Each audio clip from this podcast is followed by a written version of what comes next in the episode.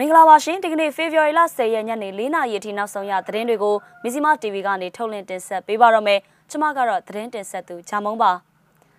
NUG PDF တို့ရဲ့လှုပ်ဆောင်ချက်တွေကိုတိုက်ဖြတ်ပေးရေးအတွက်စစ်ကောင်စီကအင်တာပိုစီအကူအညီတောင်းပေမဲ့ညင်းပယ်ခံရပါတယ်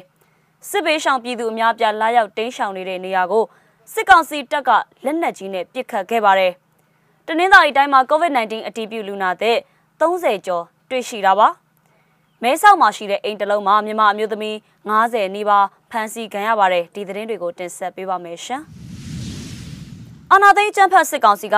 NUG အပါအဝင်စစ်အာဏာရှင်ကိုစန့်ကျင်တော်လှန်နေသူတွေကိုတိုက်ဖြတ်ရေးအတွက်နိုင်ငံတကာရဲတပ်ဖွဲ့အင်တာပိုစီကအကူအညီတောင်းခံခဲ့ပေမဲ့ညင်းပယ်ခံလိုက်ရပါတယ်အင်တာပိုကိုအကူအညီတောင်းထားတဲ့အကြောင်းအာနာသိန်းစစ်တပ်ကကြေညာပြီးတဲ့နောက်ရပ်ပိုင်းအကြာမှာအင်တာပိုအနေနဲ့ပြည်တွင်းနိုင်ငံရေးပါဝင်ပတ်သက်နေမှုအခြေအနေရှိနေတဲ့နိုင်ငံတွေကို အကူအညီပေးသွားမှာမဟုတ်ဘူးလို့ဒီကနေ့မှအကြောင်းပြန်ပါတယ်စစ်ကောင်စီက NUG အပါအဝင်စစ်အာဏာရှင်စန့်ကျင်တော်လှန်နေသူတွေရဲ့လှုပ်ဆောင်ချက်တွေကိုအကြမ်းဖက်မှုဖြစ်ရည်ညွှန်းဆွဆွဲပြီးဒီလှုပ်ဆောင်ချက်တွေကိုတိုက်ဖြတ်ရမှာပါဝင်ကူညီပေးဖို့အတွက်နိုင်ငံတကာလုံခြုံရေးအဖွဲ့အစည်းတွေကိုတောင်းဆိုထားတဲ့အကြောင်းအကြမ်းဖက်စစ်ကောင်စီရဲ့နိုင်ငံသားရေးဝန်ကြီးဌာနကဖေဖော်ဝါရီလ10ရက်နေ့မှာပြောဆိုခဲ့တာပါထူးခြားအခြေအနေတွေကလွဲပြီးအဖွဲ့ဝင်နိုင်ငံတနိုင်ငံရဲ့ကိစ္စရပ်တွေ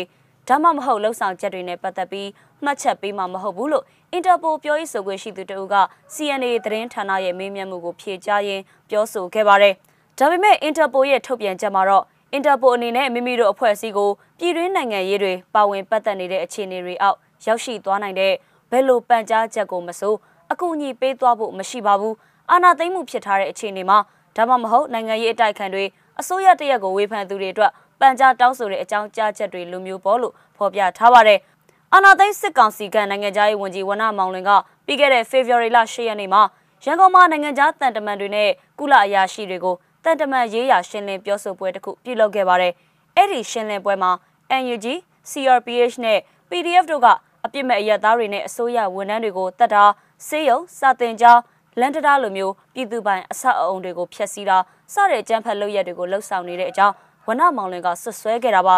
ဒါအပြင် NUG CRPH နဲ့ PDF တို့ကိုရှုံချပစ်တင်ရေးအတွက်ကုလသမဂ္ဂနဲ့အာဆီယံရဲ့အကြမ်းဖက်မှုတိုက်ဖျက်ရေးအဖွဲ့တွေအာဆီယံရဲအဖွဲ့နဲ့အင်တာပိုတို့ကိုအကြောင်းကြားထားပြီးအကြမ်းဖက်မှုကိုတိုက်ဖျက်ရမှာအပြုသဘောဆောင်ပူးပေါင်းကူညီပေးရေးတောင်းဆိုထားတဲ့အကြောင်းနိုင်ငံခြားရေးဝန်ကြီးဌာနကထုတ်ပြန်ခဲ့ပါတယ်ရှင်။ကရင်ပြည်နယ်ဒီမော့ဆိုမြို့နယ်မြလဲကျေးရွာအုပ်စုတဲ့အကြမ်းဖက်စစ်ကောင်စီတပ်ဖွဲ့ကဒီကနေ့မနက်3:30မိနစ်လောက်မှာ လက်နက်ကြီး9လုံးလောက်ပစ်ခတ်ခဲ့တဲ့ကြောင်းတန်လွင်ခက်ရဲ့သတင်းမှာပါရှိပါတယ်။အဲ့ဒီပစ်ခတ်လိုက်တဲ့လက်နက်ကြီးကြောင့်စစ်ပေးရှောင်ပြည်သူအသက်45နှစ်အရွယ်အမျိုးသားတအူထိမှန်ခဲ့တဲ့အပြင်ခရီးရန်ဖျားကြောင်တစ်လုံးစပကြီးတစ်လုံးနေအိမ်တစ်လုံးနဲ့အိမ်သားတစ်လုံးလက်နက်ကြီးထိမှန်ပျက်စီးခဲ့ပါတယ်။ဒါ့အပြင်လက်နက်ကြီးကြားရောက်ပောက်ကွဲတာကြောင့်စစ်ပေးရှောင်ပြည်သူလူထုနဲ့ဒေသခံပြည်သူတွေအများအပြားကထိတ်လန့်ကြောက်ရွံ့ပြီးဘေးလွတ်ရာစီထပ်ပြီးတော့တင်းရှောင်နေရတာပါ။အကြမ်းဖက်စစ်ကောင်စီတပ်ဖွဲ့ကစစ်ပေးရှောင်နေတဲ့နေရာကိုလက်နက်ကြီးနဲ့ရည်ရွယ်ချက်ရှိရှိ၃ချိန်လောက်ပစ်ခတ်ခဲ့တာဖြစ်တယ်လို့ပြည်သူ့ကာကွယ်ရေးတပ်ဒီမော့ဆိုကထုတ်ပြန်ထားပါတယ်ရှင်။တနင်္သာရီတိုင်းကခရိုင်၃ခုမှာအခုရက်ပိုင်းတွင်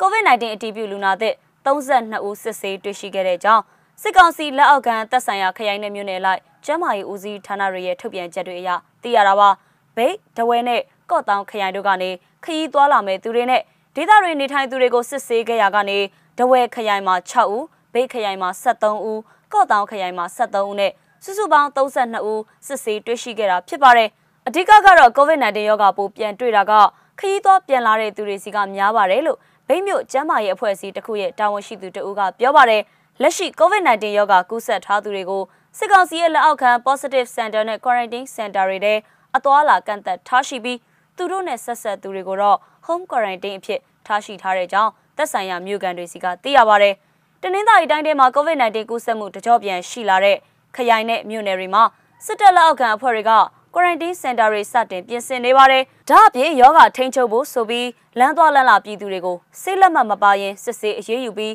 ဒဏ်ငွေ9000ကျပ်သတ်မှတ်တောင်းယူနေတဲ့အကြောင်းဒေသခံတွေစီကနေသိရှိရပါတယ်ရှင်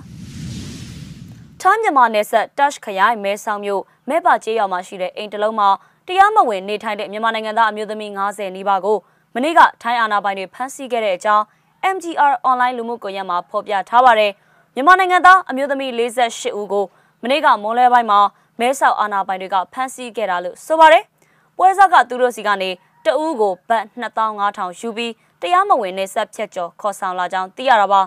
သူတို့ကိုထိုင်းနိုင်ငံထဲဆက်ပြီးပို့ဆောင်ဖို့အဲ့ဒီအိမ်မှာခဏပုံအောင်ဈေးပြီးတရက်ကိုအစားအသောက်နှစ်ကြိမ်လာပို့ပေးတဲ့အကြောင်းဖန်ဆီးခံရတဲ့အမျိုးသမီးတွေကပြောပြပါတယ် အဲ့ဒီမြန်မာနိုင်ငံသားအမျိုးသမီး48ဦးစီမှာ COVID-19 ရောဂါပိုးမတွေ့ရှိကြောင်းနဲ့ဥပဒေအရတရားစွဲဆိုဖို့မဲဆောက်ရဲစခန်းစီပို့ဆောင်ထားတယ်လို့သိရပါတယ်ရှာ